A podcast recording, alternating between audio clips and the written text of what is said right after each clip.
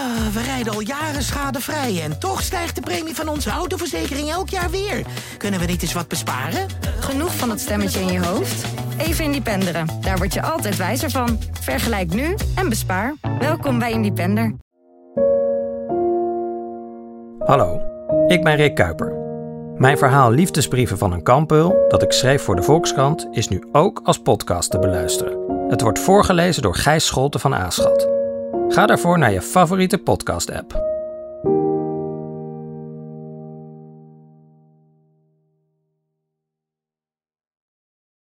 Hallo, mijn naam is Gijs Groenteman. Ik zit weer eens in een archiefkast op de redactie van de Volkskrant.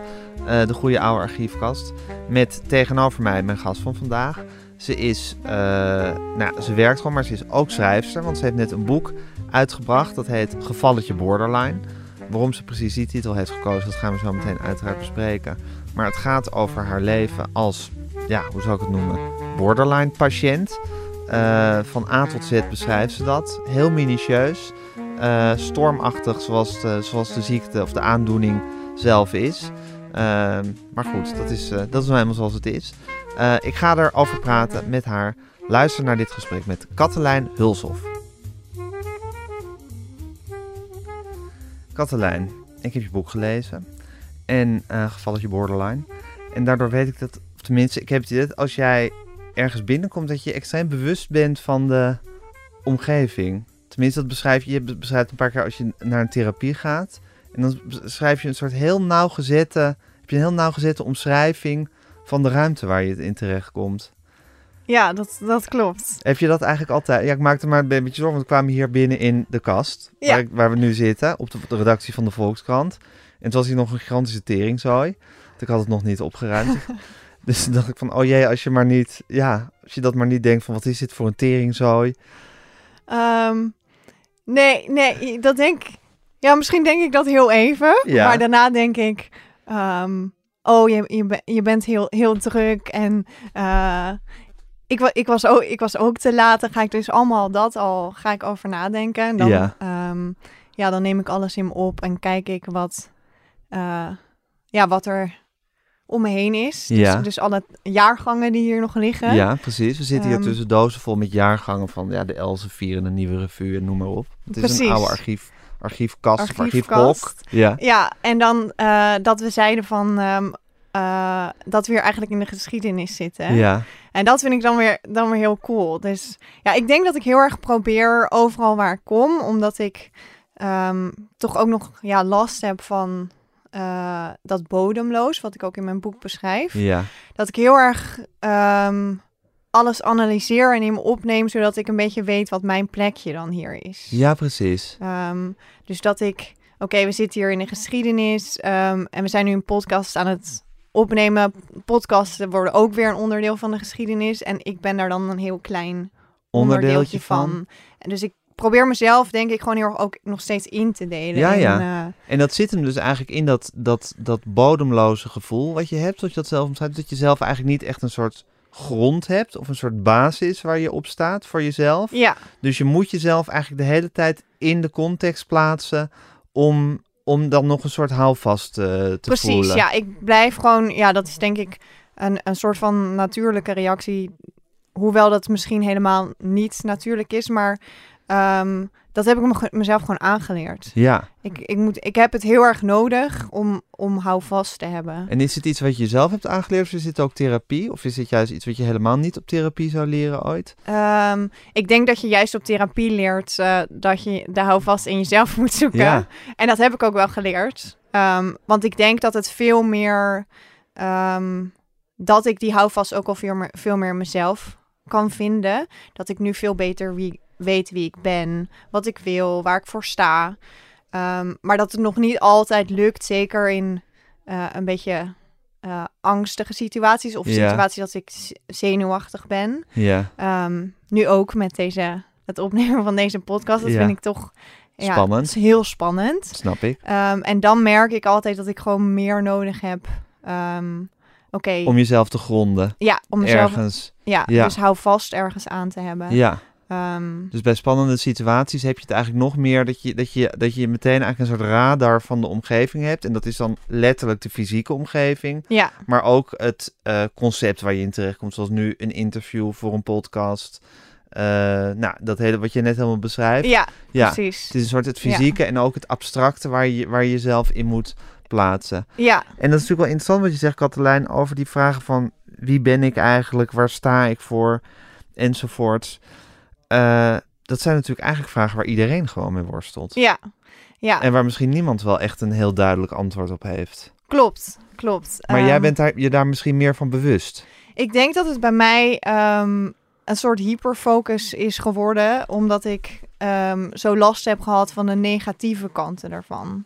Ehm, en nog steeds wel heb. Dus dat ik eh, extreem somber kan zijn. Ehm, dat ik eh, echt suicidaal ben geweest. Ehm, dat ik mezelf dingen heb aangedaan die je eh, ja, jezelf gewoon niet aan moet doen. Mhm. En ik denk dat ik daardoor, omdat dat heel extreem is, dat ik ook nu probeer om die houvast ook op een nog, ja, ik wil niet zeggen een obsessieve manier, want Ja. dat vind ik dan weer negatief klinken. Ja, want Eh, obsessie is, is, het obsessief is ook, ook, ook een, eh, een zwakte of een kracht van in ieder geval een kant van je. Ja, ja. ehm, dus dat ik daardoor ook ehm, met die vragen, denk ik, misschien meer bezig ben dan andere mensen, ondanks dat andere mensen die vragen ook hebben. ja. Ehm, want ik merk wel, nu ook dat het boek uit is en dat ik meer mensen spreek, dat veel mensen zeggen: Oh, maar ik herken eigenlijk best wel veel dingen. Ehm, en dat vind ik eigenlijk, voor mij is dat heel fijn. Ehm, omdat ik altijd, ja, omdat het heel erg eenzaam voelde. Omdat ik dacht, nou, ik ben echt de enige die hier last van heeft. En niemand begrijpt mij. ja. Ehm, en ik kan nooit aansluiting vinden. En dat doet pijn. En nu merk ik dat het eigenlijk eh, dat er best wel wat dingen zijn die, waar andere mensen ook mee zitten. Maar waar we het eigenlijk dan toch niet echt over hebben. Nee, want als je mij zou vragen wie ben je eigenlijk en waar sta je voor, zou ik daar dus ook niet zo 1, 2, 3 antwoord op eh, kunnen geven. Nee, En het zijn inderdaad in mijn, in mijn, in mijn donkere momenten dat je, dat je daar inderdaad, eh, eh, dat, je dat, dat je jezelf dat ook heel hard kan afvragen. precies. Maar goed, misschien zijn bij jou de, de, de dalen wat dieper geweest Ja, en ben je daardoor nog meer geconfronteerd met die, met die vraag. ja, want ik denk dat dat heel erg, als ik het verschil zou moeten uitleggen, ehm, van oh ja, daar hebben heel veel mensen last Mhm. van en hoe is dat dan bij mij?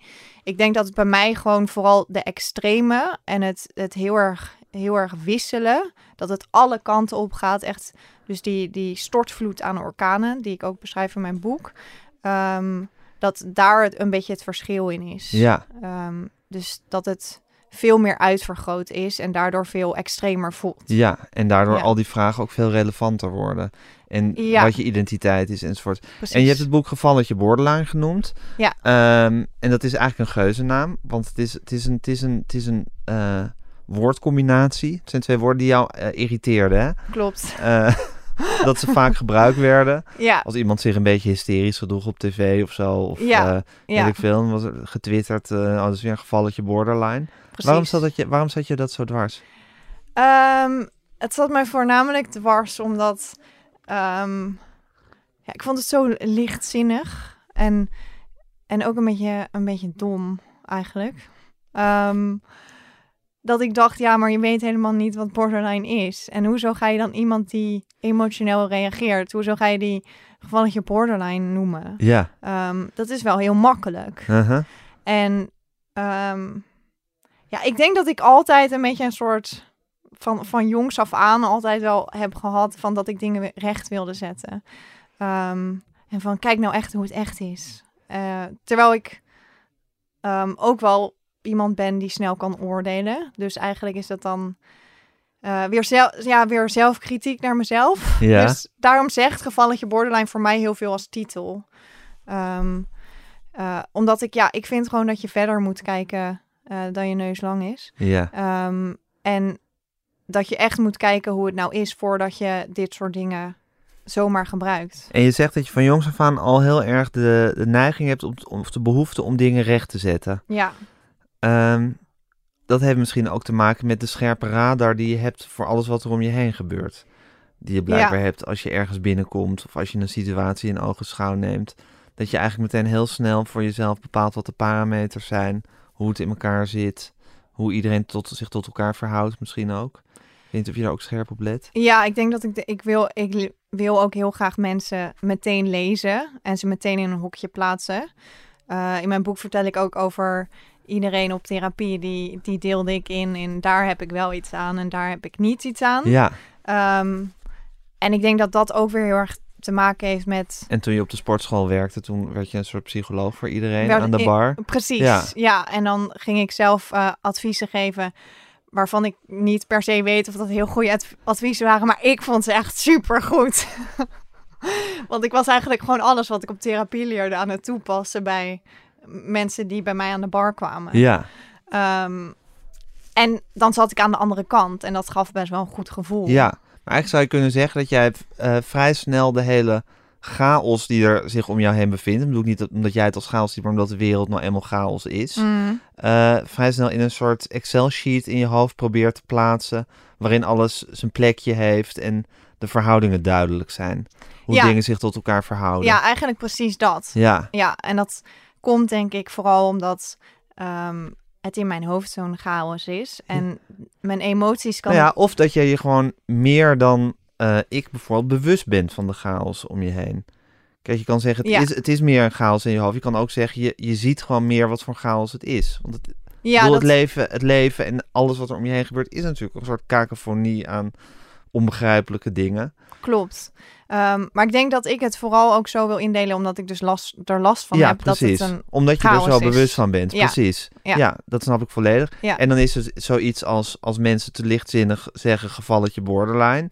Dan klopt het ook niet met de, eh, de grid of de, de vakjes die je in je hoofd hebt. precies. Ja. Ja, nee, dat, dat moet je niet op die manier gebruiken. Nee. Want dat, inderdaad, dat klopt niet. En dat kan ik dan niet verdragen.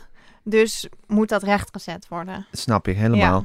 En eh, nu is inderdaad het woord borderline... Ik zou het ook best wel eens gebruikt kunnen hebben op, een, op, op de manier die jij te lichtzinnig vindt. Mhm. Omdat ik eigenlijk ook niet zo goed weet eh, wat het is. Ja. En zelfs na het lezen van jouw boek, dat er toch helemaal over gaat... Ja, is het nog altijd een lastig te begrijpen, vind ik. Het is een persoonlijkheidsstoornis, hè? klopt. Ja, lastig te begrijpen persoonlijkheidsstoornis. Wat nou, wat nou exact de... Ja, goed, dat is bij persoonlijkheidsstoornis misschien altijd wel moeilijk om aan te geven wat exacte symptomen zijn of waar je aan moet voldoen. Ja. Je, hebt, Ehm. je, hebt, je hebt vast een soort standaard antwoord waarin je aan, aan, aan domoren uitlegt wat borderline is. Want dat heb je vast vaker moeten doen. Ja, mijn standaard, standaard antwoord is eigenlijk eh, dat borderline een persoonlijkheidsstoornis is, waarbij je heel erg last hebt van extreme stemmingswisselingen, ehm, een instabiel zelfbeeld en ehm, impulsiviteit die zelfbeschadigend kan zijn. Ja, Dat is mijn standaard antwoord. ja nou dat is op zich. En extreme stemmingswisselingen is dus dat je het ene moment eh, euforisch kan zijn, het andere moment totaal bedroefd. Ja, ja. en dat, eh, dat gaat. eh, ehm, dat, je kan een uurtje helemaal over de moon zijn. En dan daarna denk je dat het leven geen zin meer heeft. Dus dat is heel, heel extreem. Ehm, maar het is niet dat je, ehm, je. Ja, je hebt dan andere psychische stoornissen. Dat je echt periodes hebt. Dat je helemaal high bent. en Ja, daarna als je bipolair bent Precies. bijvoorbeeld. Ehm, bij borderline wisselt het heel erg. Dat kan op een dag eh, alle kanten op gaan. Ja, je kan zes, zes keer op een dag van, eh, van stemming wisselen. Precies. Ja. Ik, ik kan het zes keer op een dag helemaal zien zitten. En mijn leven is fantastisch. En ik kan alles aan. En ehm, ik ga dat doen en dat doen en dat doen. Ehm, en vervolgens kan ik in een hoekje gaan zitten huilen. En eh, denken, nou ja, morgen Ik- ga ik niet halen. Ja, Dus dat is die extreem... Ja, die extreme, dat is wat borderline heel erg kenmerkt. en instabiel zelfbeeld hoort daar denk ik dan een beetje bij. Ja. Namelijk dat je soms denkt dat je God's gift to mankind bent. ja. En, en, en het volgende moment denkt dat je helemaal niks waard bent. Precies, precies. Ja, en dat je te- ondertussen de hele tijd aan het eh, compenseren bent, omdat je ook wel weet dat het eigenlijk niet klopt. Ja. En wat was Ja. het derde ook alweer wat je zei? Ehm, impulsiviteit die zelfbeschadigend kan zijn. Ja, precies. Ja, Dus in die buien en in dat, in, dat, in dat wisselende zelfbeeld kan je hele impulsieve beslissingen nemen. Die bijvoorbeeld al je geld kosten. Of je Ja. fysiek verwonden. Of Ja. weet ik veel wat. precies. Ja. Ja, je kan dan eh, ga- gaan winkelen omdat je je heel leeg voelt. En dan 1000 euro uitgeven, terwijl dat, de dat het geld is wat je nodig hebt voor de rest van de maand, bij wijze van spreken. Ja. Of opeens heel erg dronken worden, terwijl je eigenlijk niet van alcohol houdt. Ehm, je gaat dan over alle grenzen heen. Ja, En eh, er is veel minder dan bij andere mensen dan een, een, een regulatiemechanisme. Ehm, dus wat in je hersenen wordt geactiveerd, dat eh, op de rem drukt. ja. En het ingewikkelde bij persoonlijkheidsstoornis is natuurlijk dat, het, dat, het, dat, dat ze voor iedereen weer iets anders zijn. Ja, Dus eh, het is denk ik nooit helemaal helder van, oh, dat is er zo een, dat is een narcist of dat is een, die heeft, die heeft borderline. Vind ik- Dat is altijd toch een beetje, beetje vogelen. ja, En het is, eh, ja, aan de ene kant prettig, of het was voor jou volgens mij heel prettig, maar natuurlijk ook weer beperkend als de diagnose wordt gesteld. ja, dat klopt. Toch? Ja, ja ik vond het. ehm, ik, ik had altijd heel veel vragen en ik heb eerst de diagnose OCPS gekregen, obsessieve compulsieve persoonlijkheidsstoornis. Ehm, en daar kon ik me wel ja, in zoverre eh, in vinden dat ik inderdaad extreem perfectionistisch was en altijd alles helemaal goed wilde doen. Ehm, maar die chaos die ik in mijn hoofd voelde, ehm, die, ja, die beschreef dat niet. En Borderline beschreef dat wel. Dus voor mij was dat heel fijn. Maar ja, aan de andere kant had ik dan ook een label, eh, Ja. Borderline. Ja, En ehm, ja, dat voelde voor mij ehm, iemand die dus altijd alles, ja, eigenlijk een beetje de, ehm, ja, de perfecte reputatie wilde, wilde hebben. Ja. Wat ik voor mezelf had opgebouwd. Ja, dat viel eigenlijk als een kaarthuis in één met de diagnose borderline, vond ik. Want ik, ja, ik had er wel altijd wel. eh, ik was altijd zeg maar slim geweest en had me altijd wel overal een soort van uitgered met eh, nadenken of iets slims zeggen. En nu dacht ik, ja, dat kan ik nu eigenlijk niet meer. Want ik heb borderline, dus ik ben nu wel echt gek. Dat dacht ik. ja. Je zag het als het soort het officiële predicaat van dat je niet goed bij je hoofd was. Precies. Ja. Ja. En dat kon je eigenlijk amper verkopen aan jezelf. Ja, ja, dat, eh, ja, dat vond ik, dat, was- dat vond ik, dat was echt eigenlijk denk ik de grootste confrontatie met mezelf. Ehm, en met hoe ik tot dan toe mijn leven had geleid. Ja, en toch is herkenning ook weer altijd fijn. Eigenlijk wat je, hetzelfde als wat je zei, dat, dat, dat, dat, dat mensen nu ze jou, als ze je boek hebben gelezen, zeggen, nou ik herken er ook wel veel in. Ja, Dat vind je ook prettig. Ja. En zo is het ook eh, comfortabel of, of is het ook aangenaam als je gewoon iets beschreven ziet waarvan je denkt, ja, dat, dat is ongeveer hoe ik ben. Ja. En dan kan je er misschien wat mee. ja, ja, en dat is, eh, in, in het begin was ik nog heel erg van, ehm, ja, een beetje in de ontkenningsfase. En dat ik dan ook maar dacht, oh ja, oké, maar ik heb een heel slimme versie. Of ik heb een heel bijzondere versie. En dat ging ik dan ook aan iedereen vertellen met een enorme disclaimer erbij. Dat ik nog best wel normaal was. Ondanks dat ik borderline had. Eh, maar uiteindelijk dacht ik, ja, waar ben ik nou eigenlijk mee bezig? Eh, het is gewoon zo. En ik heb er heel erg veel last van gehad. Ja. En eigenlijk, ja, dat, dat toneelspelen en maar doen alsof, daar was ik zo klaar mee. Ja, dat, dat, ik was op. Ik was helemaal op. Wanneer was dat? Wanneer was dat punt? Ehm, ja, ik was eigenlijk daarvoor al heel erg, heel erg op. Ja, Ehm, in de aanloop een beetje naar die diagnose, dat duidelijk werd dat het ja. borderline was. Ehm, Wanneer, hoe lang is het geleden dat je die diagnose kreeg? Ik heb eh, ap- uit mijn hoofd april 2018, dus eh, iets langer dan drie jaar Ja. geleden. Ehm, en, eh, oh ja, nu ga ik dus even, want dat, dat komt dan heel even binnen. Dus dan, Wat, ik- komt wat komt er binnen? Ehm, ja, dan, het is opeens dan, we, we hebben het er al nu de hele tijd over, maar nu zeg ik dan, oh ja, oké, toen kreeg ik de diagnose. Dus het komt weer even helemaal. En dat voelt, dan, dat voelt dan als een soort, ja. En ik zei, Ja. ik zei van tevoren, als je, want je zei, ik vroeg, ik vroeg van tevoren aan je van hoe vind je het om interviews te geven? Want je hebt er al een paar gegeven over je boek. Ja, En toen zei je van, nou, op zich prima, maar soms is het ook, dan heb ik het gevoel dat er niet helemaal connectie is, of dat ze me niet snappen. En dan wil ik toch blijven praten, dus dan ga ik ratelen en dan, ja, dan, dan ontspoor je een beetje. ja. En toen zei ik van, nou, zeg, zeg als, als er zoiets is, zeg gewoon eerlijk wat er aan de hand is, want dat Ja. vind ik alleen maar interessant. Ja, dus dat gebeurde nu even. Dat gebeurde nu. Ja, want Ja. dan neemt heel even dat... De, de emoties die ik allemaal heb gevoeld, die komen dan even helemaal op. Ja, En dan kan ik eigenlijk... Het gaat ook weer heel snel weg, want nu kan ik, er weer, kan ik het weer oppakken. ja, Ehm, maar dat gaat dan zo, dat komt dan zo als een... Dat is eigenlijk zo'n stemmingswisseling. Ja, dat komt echt als een stortvloed even op. Ja, Ehm, en dan, ja, dan gaat er eigenlijk in mijn hoofd gaat dan even error en dan weet ik eigenlijk niet meer wat ik aan het zeggen was. Ja, dus dat, dat het is wat, hè, je dat hoofd. in, ja, Ja. Je draait nu even met je schouders. ja, Ja, ja, om, eh, om te ontspannen, denk ik. Ja, heel Ja. even het daar, eh, Ja. ja, een beetje de spanning eruit. Het is ook wel, Katelijn, als ik jouw boek lees... Volgens mij omschrijf je je leven ook een beetje als, als eh, koorddansen op een gegeven moment. Ja, Op een slap koord misschien wel. Of in ieder geval op een, met, met de voortdurende, het voortdurende gevaar om, om, om je balans kwijt te raken en, eh, en ervan af te vallen. ja, Ehm, het, het, het komt ook wel ver- vermoeiend. Ik bedoel, als, als, een, als, een, als iets waar je altijd je aandacht bij moet houden. En wat nooit helemaal soort makkelijk vanzelf gaat. ja. Ja, Ja, het, het is ook dodelijk vermoeiend. Ja, het is echt. eh, dat is ja ook waarom ik dit boek zo graag wilde schrijven. Om gewoon echt duidelijk te maken. Het is echt zo hard werken. Zeg maar, alles.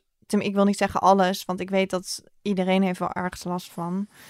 Maar om de hele tijd maar ehm, tegen jezelf in te gaan. Dus tegen die vooral extreme en die wisselingen om daar tegen in te gaan en maar wel gezonde keuzes te blijven maken. Terwijl je dat eigenlijk niet wil op dat moment.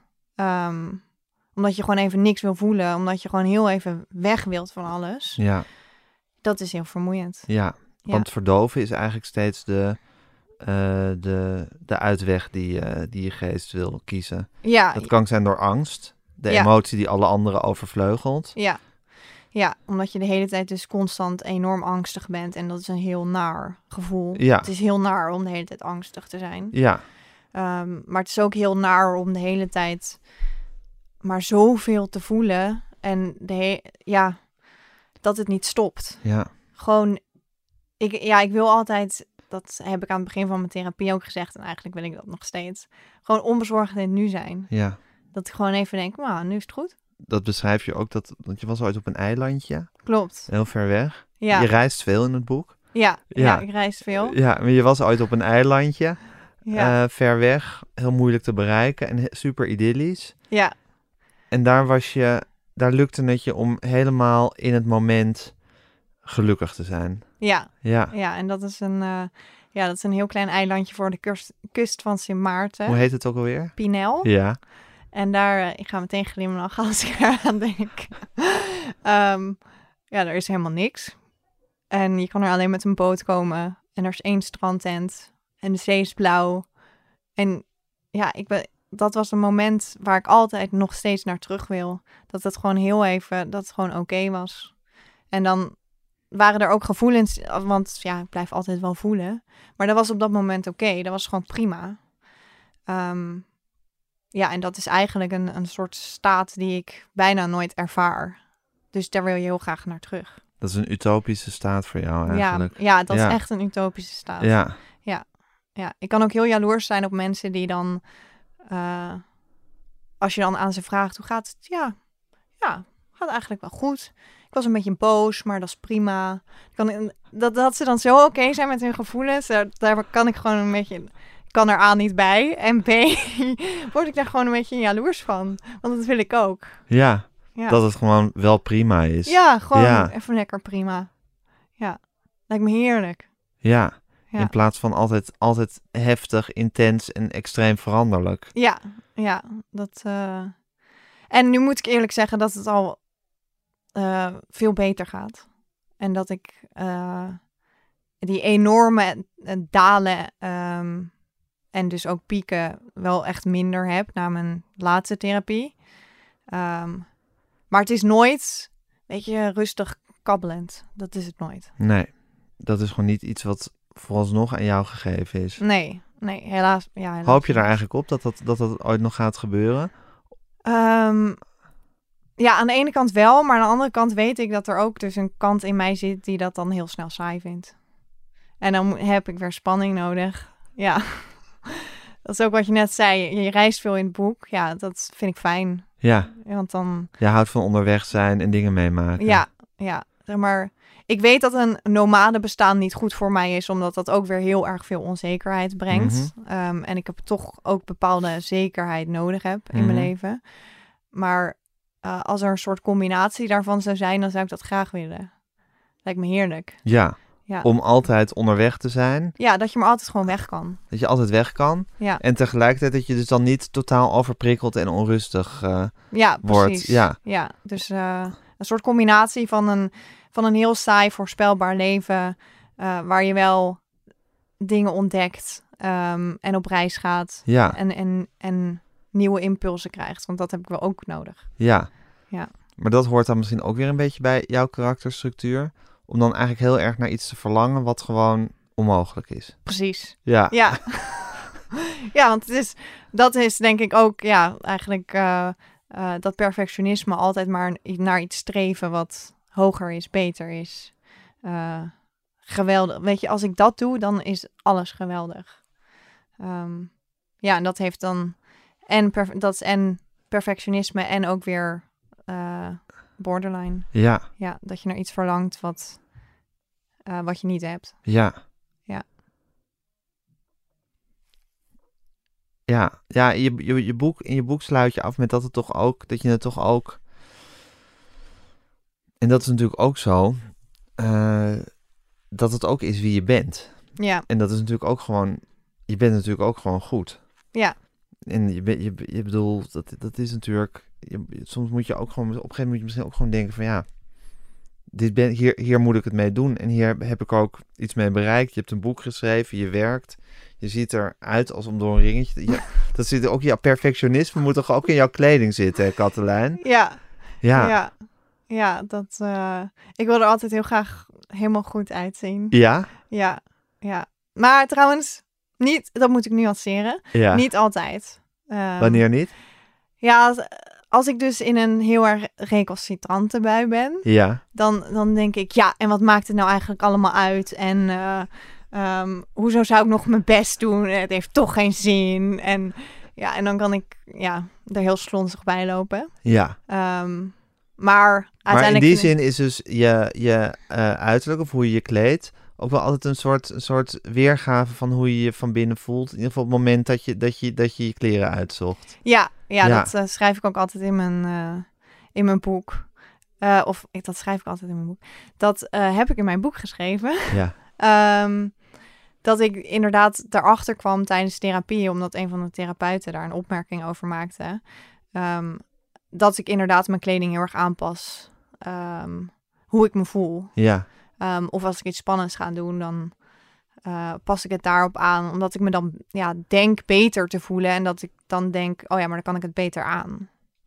Ehm, wat, En vind je dat eh, zwak of krachtig van jezelf?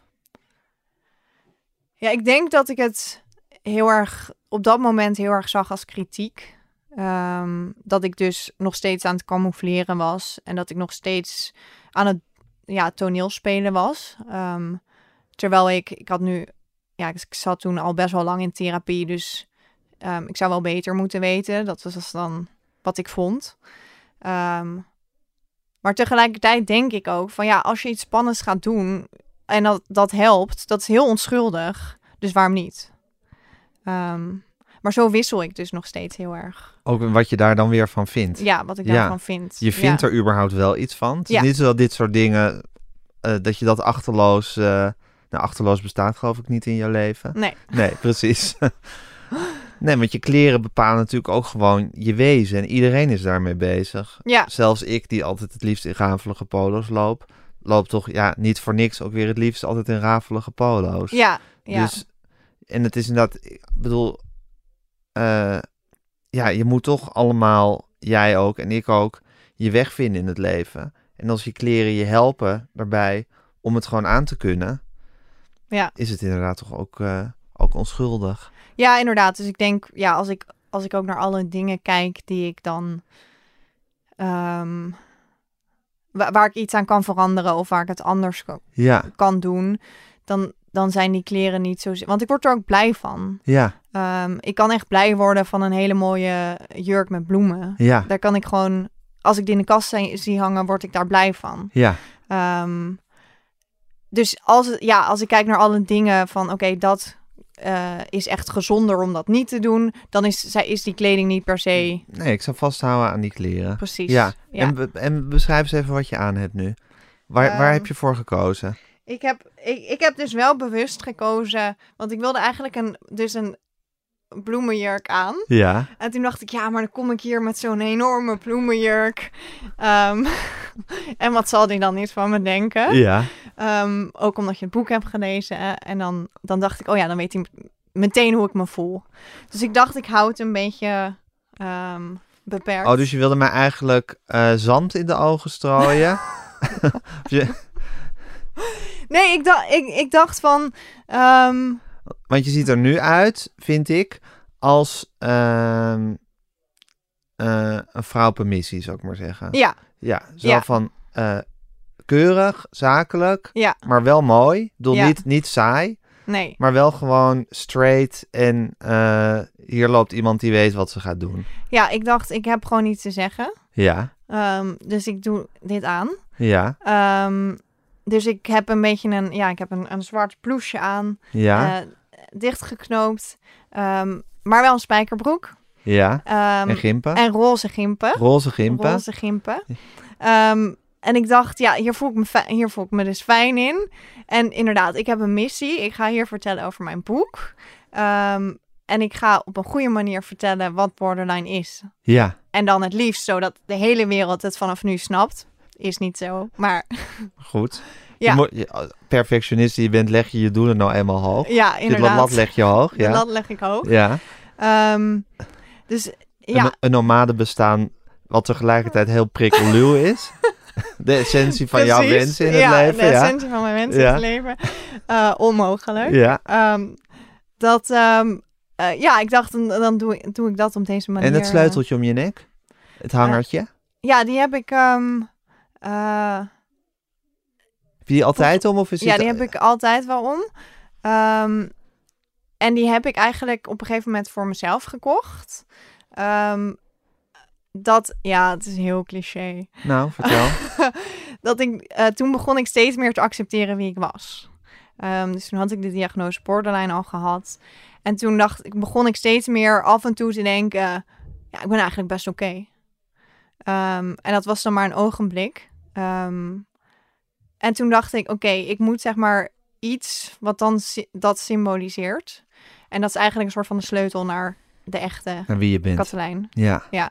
En dat eh, zie ik nog steeds wel als ik deze En die, dat, dat, eh, dat sleuteltje is dus eigenlijk een eh, reminder of een symbool voor, de, voor die korte momenten die je had op dat Ja. moment. Waarin je dacht van oké, ik heb borderline. En het is ook niet per se een soort fantastische glamour versie van borderline. Nee. Maar gewoon echt gewoon harde borderline. Ja. En daar worstel ik mee. Ja, Maar dat is nou eenmaal wie ik ben. En dat is ook oké. ja, dat is inderdaad ook oké.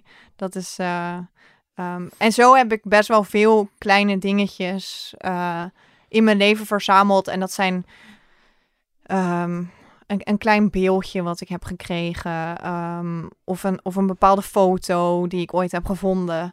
Ehm, en dat zijn allemaal kleine dingetjes waarin ik dus ja ook een soort hou, houvast zoek. Van, ehm, het is, het, weet je, je, bent, je hebt het idee dat je geen houvast hebt, maar ondertussen heb je van alles om je heen verzameld. Ehm, Houvast is wel het sle- oh, sleutel, sleutelwoord. eh. ja, houvast is Ja, dag- Houvast is denk ik voor veel mensen met borderline. ehm, ondanks dat het voor iedereen anders is, maar houvast is denk ik wel echt een, eh een, eh een dat is het ding waar jullie naar zoeken. Ja. Ja, Ja, dat is een constante ja. zoektocht. Ja, Ja. Omdat, omdat dus inderdaad die stemmingswisselingen zo extreem zijn, dat zelfbeeld zo extreem is. Ja. En, en die, die, die eh, diepe filosofische vraag waar we allemaal mee worstelen, wie ben je eigenlijk? Ja, Dat die zo prominent is bij jullie, klopt. dat je, dat je dan toch op zoek moet naar een paar dingen waar je aan vast kan grijpen. Ja, zeker. Zeker. Ja, en dat betekent dus ook heel, heel veel voor me. Dit kettingje betekent heel veel voor me. Ehm, en ook, ja, het is maar een kettingje Ook het feit dat je jezelf dat hebt gegeven. gegeven. Ja, dat vind ik ook, dat is omdat ik zo lang eigenlijk mezelf haatte en, en wie ik was. Ehm, eh, Ja, nu, dit vind ik dus ook moeilijk om Ook te moeilijk. zeggen. Ik zie het ook meteen in je gezicht Ja. trouwens, als dat gebeurt. Ja, ja.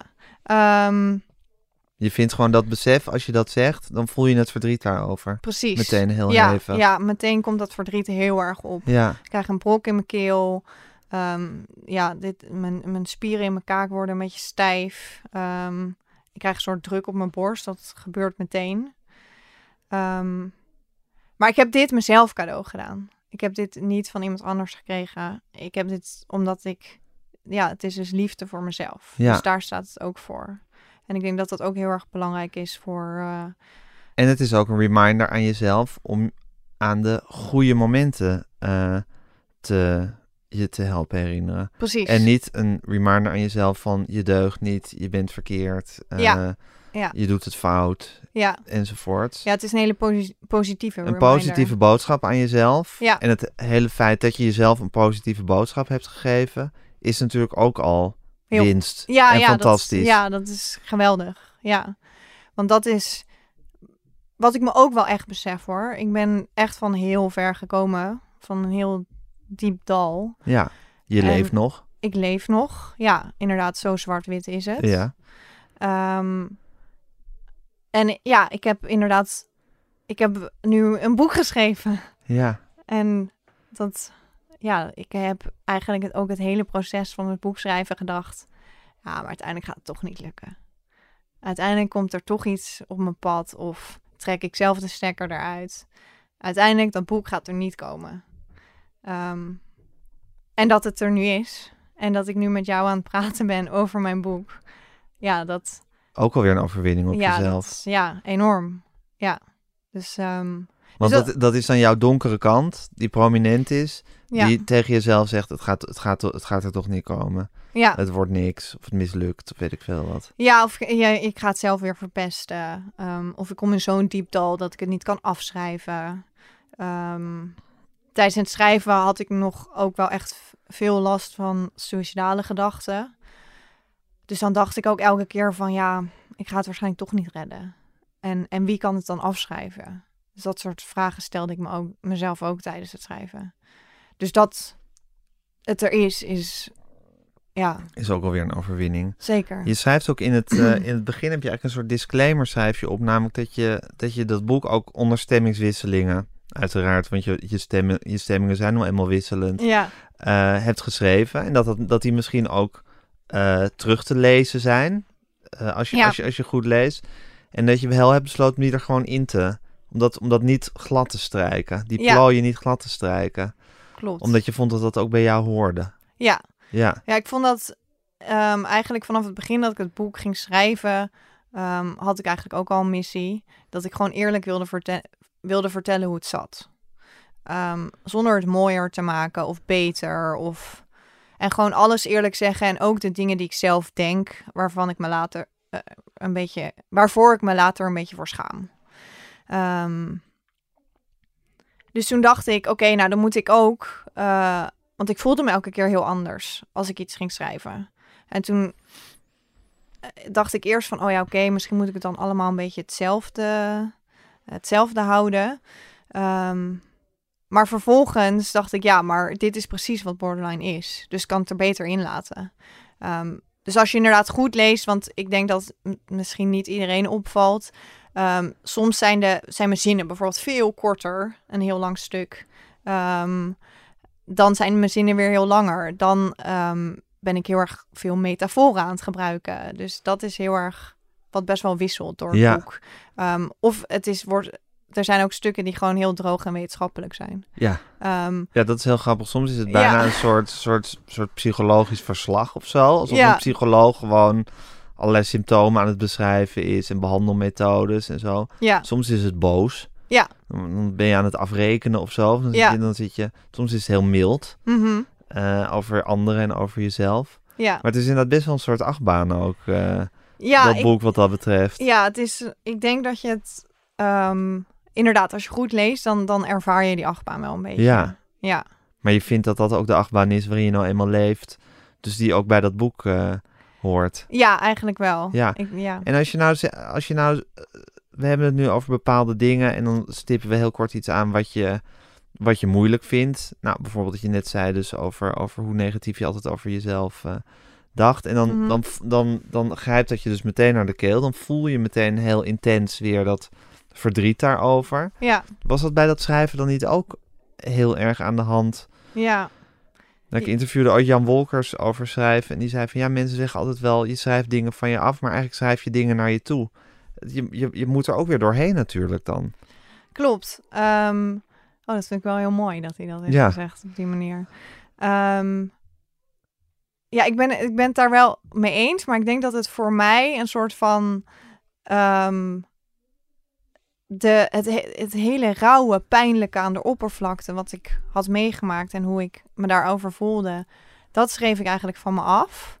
En een soort meer verwerkte versie, Uh-huh. Ehm, waardoor ik denk dat ik er nu beter over kan praten. En waardoor het voor mij ook niet meer zo uitvergroot is. Ja, Ehm, en, en meer van me afstaat. Dat kwam naar me toe ja, door het precies. schrijven. Dus het is toch ook door de loutering van het schrijven dat het ook wat abstracter is geworden en meer een soort pakketje waar je naar kan kijken. Precies, precies. Ja, wat ik ook in mijn, in mijn boek schrijf ik ook eh, ja, een soort handboek voor mezelf. Ja. Wat ik letterlijk in de kast kan zetten. Ja, en dat Ehm, is het. Daar staat het dan. ja, daar sta- staat daar staan je, staat je leven en je problemen. Precies. Ja, ja, maar het staat wel lekker opgeruimd netjes in precies. Met een bandje eromheen. georganiseerde boekenkast.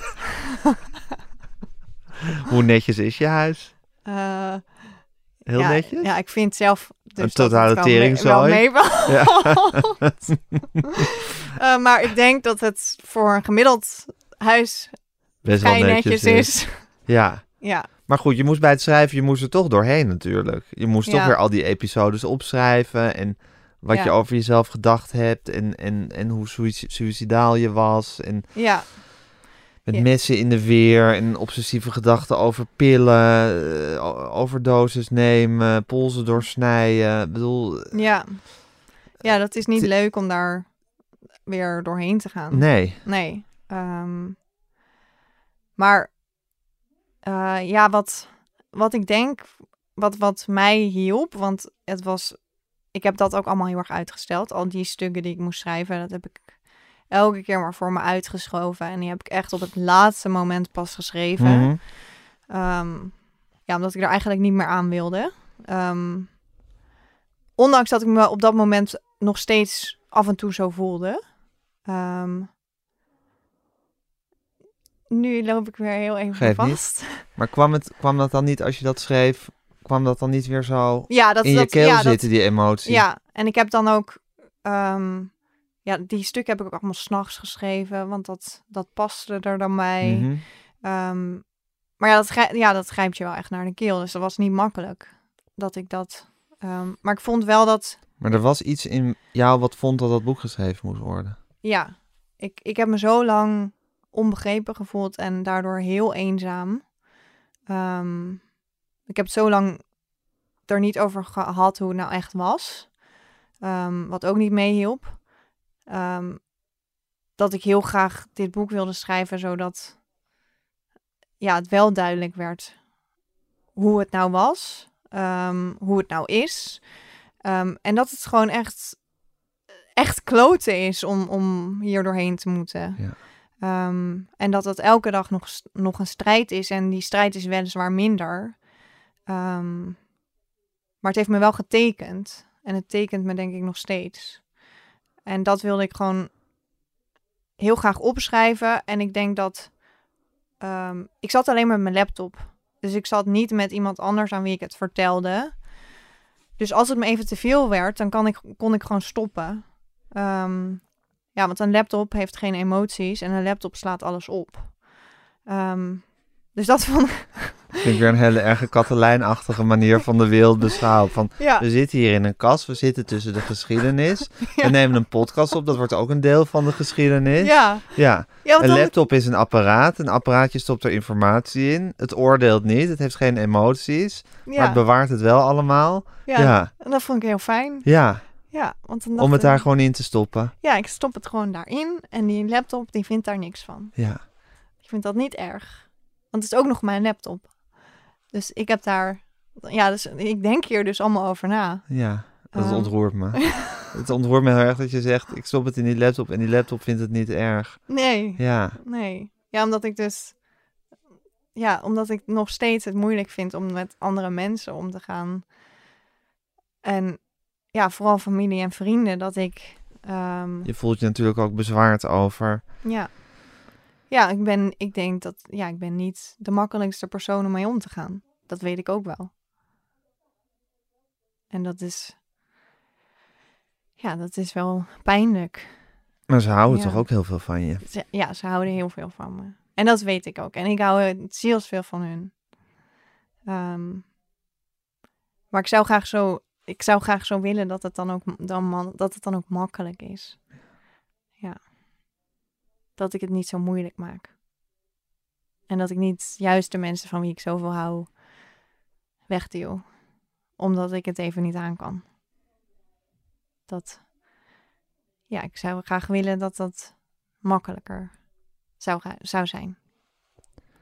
Ja, maar hun oordeel is natuurlijk ook heel erg jouw oordeel. In de zin dat, dat jij natuurlijk de hele tijd hun oordeel aan het formuleren bent in je hoofd. Klopt. Waarom je ook zo, zoveel rust vindt bij een laptop waarvan je weet dat hij geen oordeel over je Ja. heeft.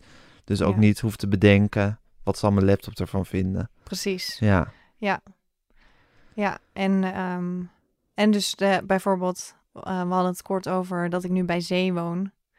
ja toen we hier naar, naar, naartoe liepen. Ja, Ja, de zee heeft ook geen oordeel. De zee die komt gewoon en die gaat weer. En die maakt, ja, die maakt dat allemaal niet uit. En dat geeft, ja, dat geeft me op, ja, geeft me veel rust. ja. Daar haal ik veel rust uit. En dan kan ik die chaos wat beter aan. Dus, ehm, Dus als je naar de zee kijkt en naar je laptop, dan zie je twee oordeelloze entiteiten. ja, Waar je, waar je toch veel eh soelaas of rust uit, eh, ja, uithaalt. ja. Ja, en dan mijn, mijn tackle pip. Ja, je tackle, daar, eh, daar Ja. ben je ook helemaal bezeten van. Helemaal. ja. Waar is Pip nu? Ehm, Pip is nu even in, in de, het hondenpension. Oké. Ja. ehm, ik vind het ook heel erg om Pip alleen te laten. ja, nou, ik heb dus Pip, die is ook, die is gewoon, dat is onvoorwaardelijke liefde en zij oordeelt nooit. Ook niet als ze acht uur lang naast mij moest zitten, terwijl ik op mijn laptop zat te zwoegen. Ja.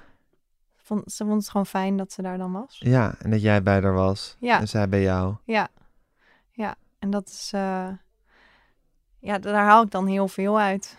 Dat vind ik dan, ja, dat vind ik dan heel fijn om iets, te, iets, om haar te hebben en zij heeft geen oordeel. Dus ik heb altijd haar. Ja. Ehm, ook als ik heel even de rest van de wereld haat, dan, dan heb ik altijd Pip. Ja, dus het, het, het, het geeft me veel ehm, comfort. Ja. Ja. Snap ik. Ja. Eh, ja, ik denk dat je zo'n hyperactief brein hebt. waarin je zo de hele tijd eh, alles aan het detecteren bent. wat iedereen mogelijkerwijs zou kunnen vinden en denken van je. Ja, Dat je natuurlijk, dat je, dat je, dat je inderdaad gewoon rust vindt bij dingen of een dier. waarvan je zeker weet, 100%, dat het niet, eh, dat het niet oordeelt over jou. ja, Ja, omdat je dan Ja. tenminste ook niet zelf al die gedachten kan gaan formuleren wat iedereen over jou ja. denkt. Nee, dat, dat hoef ik bij, bij Pip en die Nee, andere dingen En die dat laptop en de doen. zee hoef je dat allemaal niet te doen. Klopt, klopt.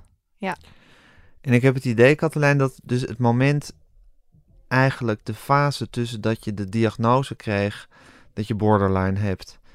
eh, zoals je zelf heel duidelijk je, zei, je gebruikte zelf niet het woord borderliner, want dan word je natuurlijk helemaal, eigenlijk val je dan samen met je, met je stoornis. Ja, hoewel ik het niet erg vind, omdat... Nee, maar je, zei het, maar je zei het net, eh, vond ik vrij nadrukkelijk niet. Dus dat Ja. vind ik ook wel, eh, maar dat vind ik ook wel helder. Het is net Ja. met autisme. Ben je een Ja. autist of heb je autisme? Ja, Ja, het is, het zijn, het is toch een nuance, nuanceverschil. ja maar ik vind inderdaad, ik zei het, de- dit is grappig dat je dat, dat, dat opviel. Ehm, ik heb hier vorige week een gesprek over gehad met iemand die ook borderline heeft. Ja, Ehm, en zij, we hadden het erover of je dat nou wel of niet moest gebruiken. En zij vond eigenlijk van niet. Ehm, en ik was toen nog heel erg sterk van, eh, nee, dat moet je wel gebruiken. Daarom heb ik het ook in mijn boek gebruikt. Want anders doe je eraan mee. Ehm, dat, dat het heel erg is om een borderliner te zijn. Of dat borderliner een scheldwoord is. ja, Ehm, Maar ik heb dat dan toch de afgelopen paar dagen een beetje verwerkt. en dan, eh, want het valt bij mij ook allemaal wat later, omdat het dus. Ehm, Nou ja, je kan daar ook van van mening veranderen natuurlijk. Precies. Ehm, maar ik vind nog steeds, ik vind het prima omdat iemand zegt eh, borderliner. Ehm, want ja, ik heb nou eenmaal borderline. Ja, maar dat, dat, dat is natuurlijk het ingewikkelde. Je hebt, je hebt borderline, maar je bent niet Precies. borderline. En dat is ook wat ik, wat ik in mijn, in mijn boek zeg. Van ja, ik heb borderline, maar dat is niet wie ik ben. Nee, Ehm, het beïnvloedt wie je bent. En je, Ja. moet, er, je, moet, je moet ermee dealen. ja, Maar het, het, het doet je natuurlijk tekort om te zeggen dat het enige wat jij bent is een borderliner. nee, klopt. Ja, Klopt. Nee, dus in, in, in die zin vind ik dat je het niet... ehm, is het beter om te zeggen iemand met borderline. ja, Uh, maar aan de andere kant dacht ik, eh, als je dus als scheldwoord gebruikt, ehm, dat wil ik dus niet. Daar vind ik iets van. Dus dan dacht ik, als ik het dan positief gebruik, gewoon, je hebt het over borderliners en Ja. dat is prima. Ja. Want dat zijn mensen die lijden aan borderline. Ja. En dat is niet een of andere eh, emotionele collega. ja. ja, je hebt inderdaad ook weer kans dat, dat als je zo'n minutieus spel met woorden gaat spelen en daar heel streng, dat je eigenlijk, eigenlijk, eigenlijk de hele boodschap of gedachte of het verhaal wat je erover vertellen gaat, eh, wil, verloren gaat in gediscussieer over of je borderliner mag zeggen of iemand met borderline moet zeggen. Precies. Ja, ik Ja. snap het. Ja. Maar goed, eigenlijk is dus volgens mij een belangrijk moment dat je de diagnose borderline kreeg. En eh, dat daar een tijdje overheen is gegaan voordat je eh, ook echt wilde aanvaarden dat je het had. En dat het ook niet een soort, soort, soort fantastische versie ervan was. Ja, En dat je daar ook voor eruit wilde komen. klopt. Ja, Ja, ehm, ik denk dat, want ik begon vrij, nel, vrij snel na die diagnose begon ik met therapie. Ehm, en de therapie die ik heb gevolgd, ehm, EDT heet dat, ehm, die was vrij direct, dus vrij confronterend. Ehm, dus daar werd je niet met eh fluwelen handschoentjes aangepakt en werd er gezegd, ja, dat is ook heel zwaar. Ja, ik, ja, ik snap dat het echt heel zwaar is. Ja, dat is ook heel verdrietig. ja, Dat zeiden ze gewoon niet. Ze zei, dat, dat zeiden ze ook wel. Maar ze zeiden ook, Katelijn, je moet je niet zo aanstellen. Of Katelijn, ga nou even echt kijken wat het is. En dat vond ik in het begin echt vreselijk. Ehm, en alles ook wat ze opmerkte in mijn, in mijn lichaamstaal, of hoe ik dingen zei, of hoe ik dingen zag. Ehm, alles werd eigenlijk opgemerkt. Ehm, dus je had en hele... benoemd. En, en benoemd. Ja. Dus, dus je had gewoon. ja, we zitten nu in een, in een, in een kast met, met allemaal tijdschriften. Maar daar had ik het idee alsof alle tijdschriften spiegels waren. Ja, Dus je, ja, je kon gewoon eigenlijk er niet meer onderuit. nee. Ik kon nergens meer. Zo hard werd je met, met jezelf geconfronteerd. Ja. En dan wel op een heel liefdevolle manier. Ja, dat Ehm, moet een veilige omgeving zijn Ja, natuurlijk. want het voelde, het voelde ook heel erg veilig. Ehm, maar het was iets wat ik helemaal niet kende uit mijn omgeving en, en hoe ik was opgegroeid. Hm. Ehm, ja, daar, daar werd niet echt over moeilijke dingen of, of ja, dingen waar je het liever niet over hebt. Daar, daar werd ook gewoon niet over gepraat. Nee. Ja, misschien af en toe, maar het werd vooral opgelost. Ja, er is een traumatische gebeurtenis in jouw leven of in het leven van jouw gezin eigenlijk. Hm.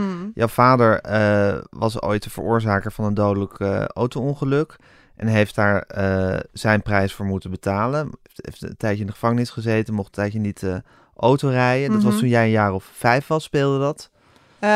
Ja, het is gebeurd toen ik drie was. Oh, toen je drie en, was. en hij heeft in de gevangenis gezeten toen ik vijf was. Ja. Precies. En dat is, dat is iets waar altijd een beetje, of wat, wat aanvankelijk voor, voor jullie verzwegen is. En waar een, waar een, waar een eh, fantasieverhaal omheen werd gebouwd dat hij ergens was om te werken. Ja. En ehm, we hoeven daar helemaal niet heel diep op in te gaan, maar dan krijg je natuurlijk toch ook een soort patroon van om dingen heen draaien in een gezin, neem ik aan. Los Ja. van dit ene feit, wat dan Mhm. verzwe- daar moet natuurlijk, daar komt natuurlijk een soort web van leugens of, of halve waarheden en verzonnen verhalen omheen eh, Ja, te, wordt daar gesponnen. ehm, ja, het gaat heel erg om de, de, de roze olifant die gewoon in de kamer staat en die iedereen ziet. Ja, Maar en waar je- niet over gepraat wordt. Nee, en iedereen loopt er gewoon omheen. Ja, Ehm, en ja, het is natuurlijk heel. Het is dat ik heb dat ehm, in mijn boek ehm, gezet. Ehm, omdat ik heel graag wilde uitleggen van hoe zo'n persoonlijkheidsstoornis zich nou kan ontwikkelen. En hoe, wat daar allemaal in meespeelt. En ja, in mijn familiegeschiedenis is, is die gebeurtenis is gewoon, dat is zo ingrijpend geweest. En dat is zo'n gebeurtenis, die, ja, hoe, hoe ga je daarmee om? Dat, daar, is, daar is geen handleiding voor. Nee, Ehm, de handleiding die er, die er is gekozen, me- mede op aanraden van therapeuten overigens, ja, was verzwijgen. precies. En dan, maar dan, dan, dan op, vanaf dat moment zit je natuurlijk in een gezin waar verzwijgen deel van de, van de, van het DNA wordt, zou ik maar zeggen, van de Ja, cultuur. omdat dit zoiets groots Ja, is en precies. zoiets ernstigs. Ja. En, ehm, Dan ga je om dingen heen leven. ja, Ja, ja, en dat is eigenlijk... Ik denk dat ik dat als klein meisje gewoon altijd heb aangevoeld. Ehm, en dat geeft heel veel onzekerheid. ja. Er, Ja. Is, er is iets wat ik niet weet en daar wordt omheen eh, Ja. gepraat. Ja, ehm, ja en dan, ja, dan gaan er jaren voorbij en dan opeens hoor je iets anders. Ehm, en Ja, Ja. waarmee elke waarheid natuurlijk ook op losse schroeven komt te staan eigenlijk. ja, Ik ik, bedoel, ja. ja, ik, ik merk ook nu wel heel snel dat ik dus heel... eh, dat heeft ook met dat hechtingsproces te maken, wat Mhm. bij mij verstoord is. Ehm, omdat ik een bepaalde leeftijd had. Ehm, maar ik merk dat ik heel snel mensen wantrouw. En heel snel, ehm, als mensen iets zeggen, dan, dan stel ik al, meteen mijn vraagtekens erbij. ja, omdat ik altijd denk van ja, maar is dat nou wel zo? En ook dat, dat mensen lezen, dat heeft en te maken dus met dat ik houvast zoek.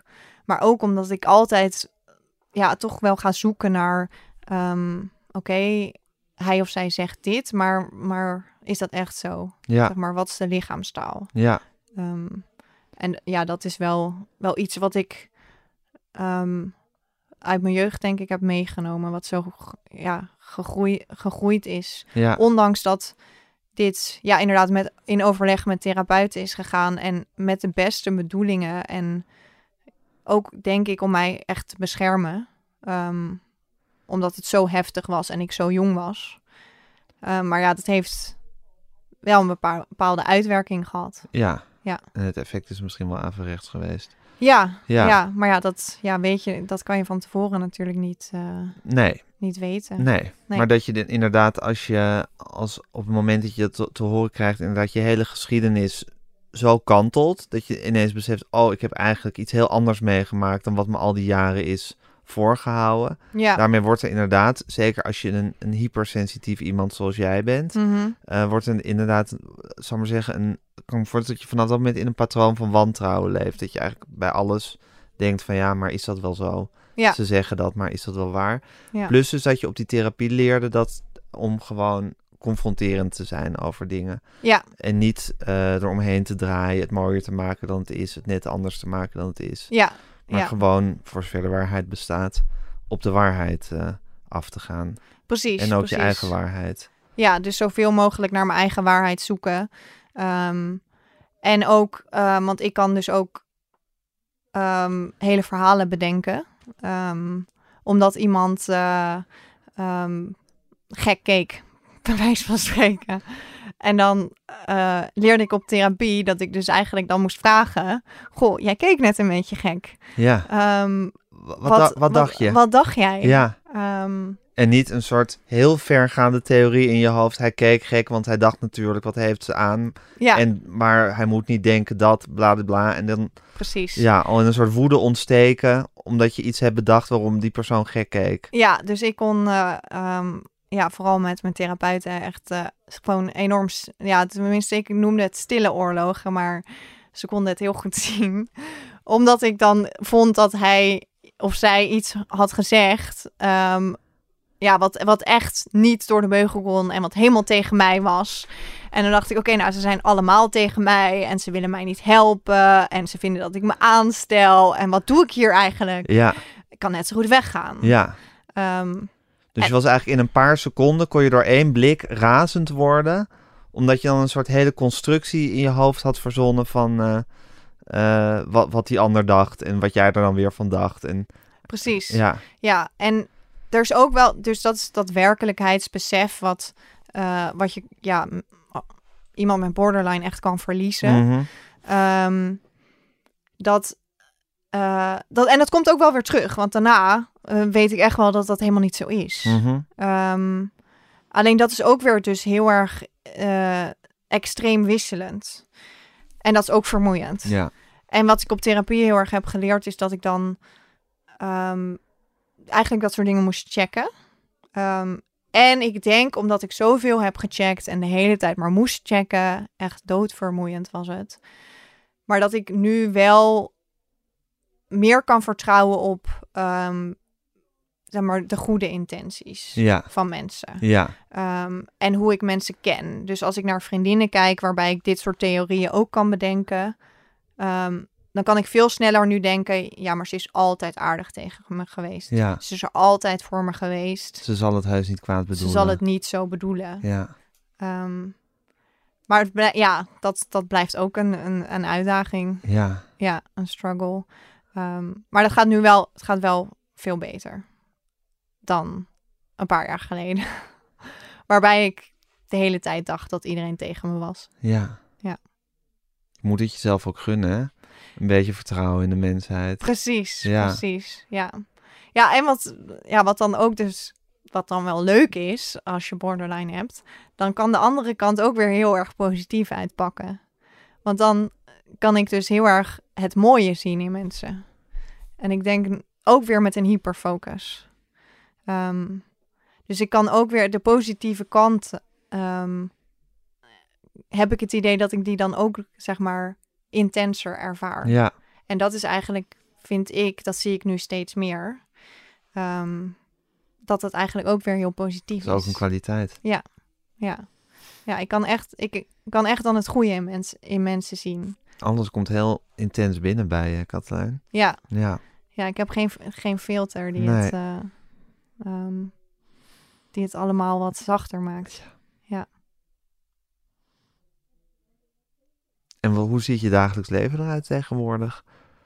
Ehm, ik, eh, ik werk Ja. Waar? op een kantoor. Ja. Ehm, Wat doe je? Ik doe, eh, ja, ik werk als onderzoeker vastgoedmarkten. Dus ik doe onderzoek naar ja, de, va- de commerciële vastgoedmarkt in Nederland. En ik kijk ook een beetje naar eh, de economische en maatschappelijke ontwikkelingen.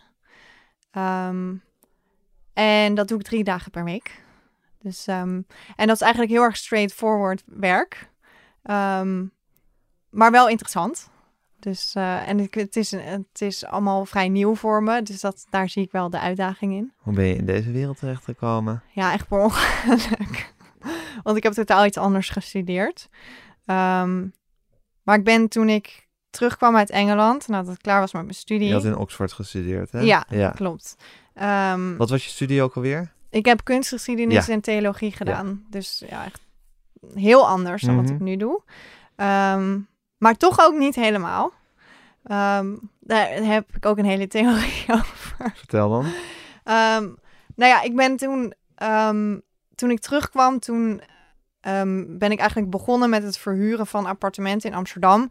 Ehm, weer heel ide- idealistisch. Ehm, ik dacht, eh, ik, ik ga mensen hun, hun huis, hun, hun thuis geven. Dat was mijn insteek. Ja. Nou ja, ik kwam echt van koude kermis thuis. Want dit, hier is een hok van 21 vierkante meter en dit is 1200 euro. Ja. En als jij het niet neemt, dan heb ik nog 20 andere. Ja. Ja, dat, dat vond ik eigenlijk Ja, de vreemd. vastgoedmarkt in Amsterdam is niet echt een idealistische plek voor idealisme. Nee, Nee. nee. dus dat, eh, nou, dat vond ik vreselijk. Dus daar ben ik dus ook na een paar jaar ehm, mee gestopt. Eh, omdat ik dat, ja, ik kon dat eigenlijk niet voor kroppen. Ehm, en nu ben ik, eh, dit is commercieel, dus dit is allemaal heel zakelijk. En we hebben, ehm, onze klanten zijn veel grote zakelijke partijen, institutionele beleggers. Dus dat, daar is de emotie veel minder. Ehm, en dat vind ik dan makkelijker. Maar wat ik dus, als je de kunstwereld vergelijkt met de vastgoedwereld, ehm, daar, dat zijn allebei objecten eh, waarvan je denkt, oké, wat is de waarde? En daar kan je heel erg veel modellen op loslaten. Maar uiteindelijk komt er een bepaalde emotie bij kijken. Mensen vinden dat of mooi of niet. Ehm, en met een pand zit daar ook een, een bepaalde emotie. Ehm, ja, daar heb ik mijn vrouw ontmoet. Dus ik wil dat hebben. Ja, Ehm, of eh, ik ging daar vroeger altijd met mijn vader heen. Dus ik wil dat hebben. En wat is het dan waard? En dat is een beetje een soort van eh, ja, emotie die, die ongrijpbaar is ten opzichte van de waarde van zoiets. Ehm, hoe je het berekent. En dat vind ik dus heel interessant, omdat ik dus die dynamiek in mezelf heel erg herken. ja. Dus dat. ehm, da- maar dat is nu de theorie die ik Zoals zelf dat sleuteltje om je heb. nek zoveel betekenis voor je heeft. Precies. En een laptop weer ja, op jouw liefde kan rekenen, omdat hij geen oordeel heeft. Ja, Ja, ja, dus zo heb ik dan ook de kunstwereld en dan nu de vastgoedwereld. ja, het zijn eigenlijk allemaal materiële zaken waar toch, eh, die vaak ook zowel bij de kunst als in de vastgoed ook weer enorme financiële waarde hebben. Ja, Maar die, waar, waar toch, waar, waar- dat wat altijd samenvalt met, een met de emotionele waarde ook. ja, ja. En wat is dan die, die emotie, emotie waard? Ik denk dat ik dan, ja, dat het me toch aantrekt, omdat ik dan, ja, misschien nog steeds bezig ben met ehm, hoe zitten je emoties in elkaar? Hoe laat je die je leven bepalen? En hoe maak je keuzes? Ja, Ja. En hoe maak je eh, rationele keuzes en hoe maak je emotionele keuzes? ja.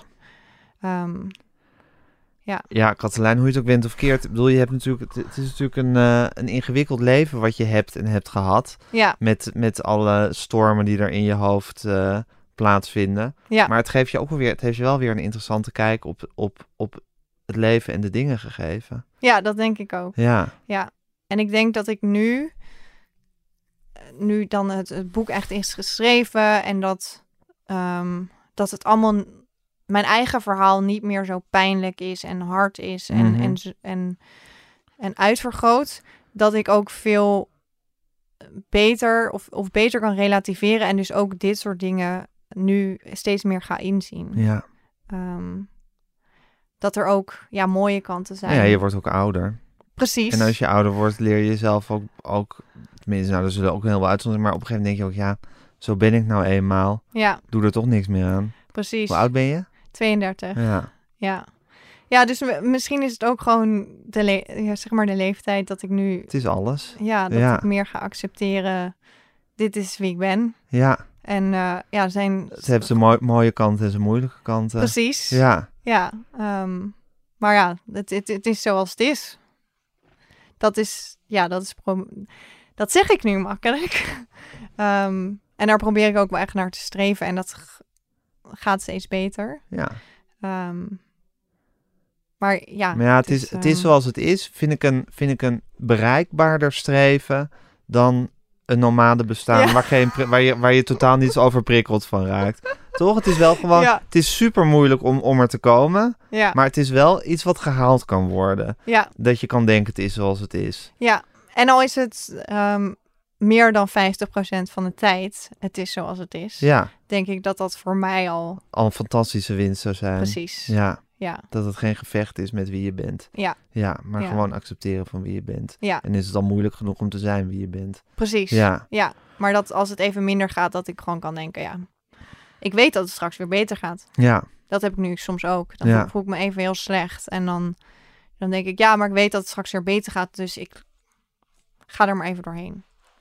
Ehm, en dat is, ja, dat is al een, eh, een enorme winst ten opzichte van eh, een paar jaar geleden.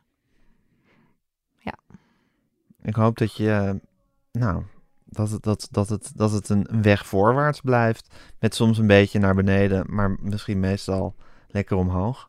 Ja, dat, ho- Zoals de Zwitserse bergen. ja precies dat. Ja, dat, Ja. dat hoop ik ook. Dankjewel, Katelijn. Jij heel erg bedankt, Gijs. Dit was Met Groenteman in de kast. Of in Nieuwe Normaal, maar zich bevindend in de kast. Met Katelijn Hulshoff. Mijn naam is Gijs Groenteman. Ik maak deze podcast samen met Daan Hofstee. U kunt zich abonneren op alle mogelijke manieren die er zijn. U kunt ons een e-mail sturen, podcasts.volkskrant.nl. Eh, volg ons op Instagram, @metgroenteman En geef ons, als het kan, waar het ook kan, lekker veel sterretjes.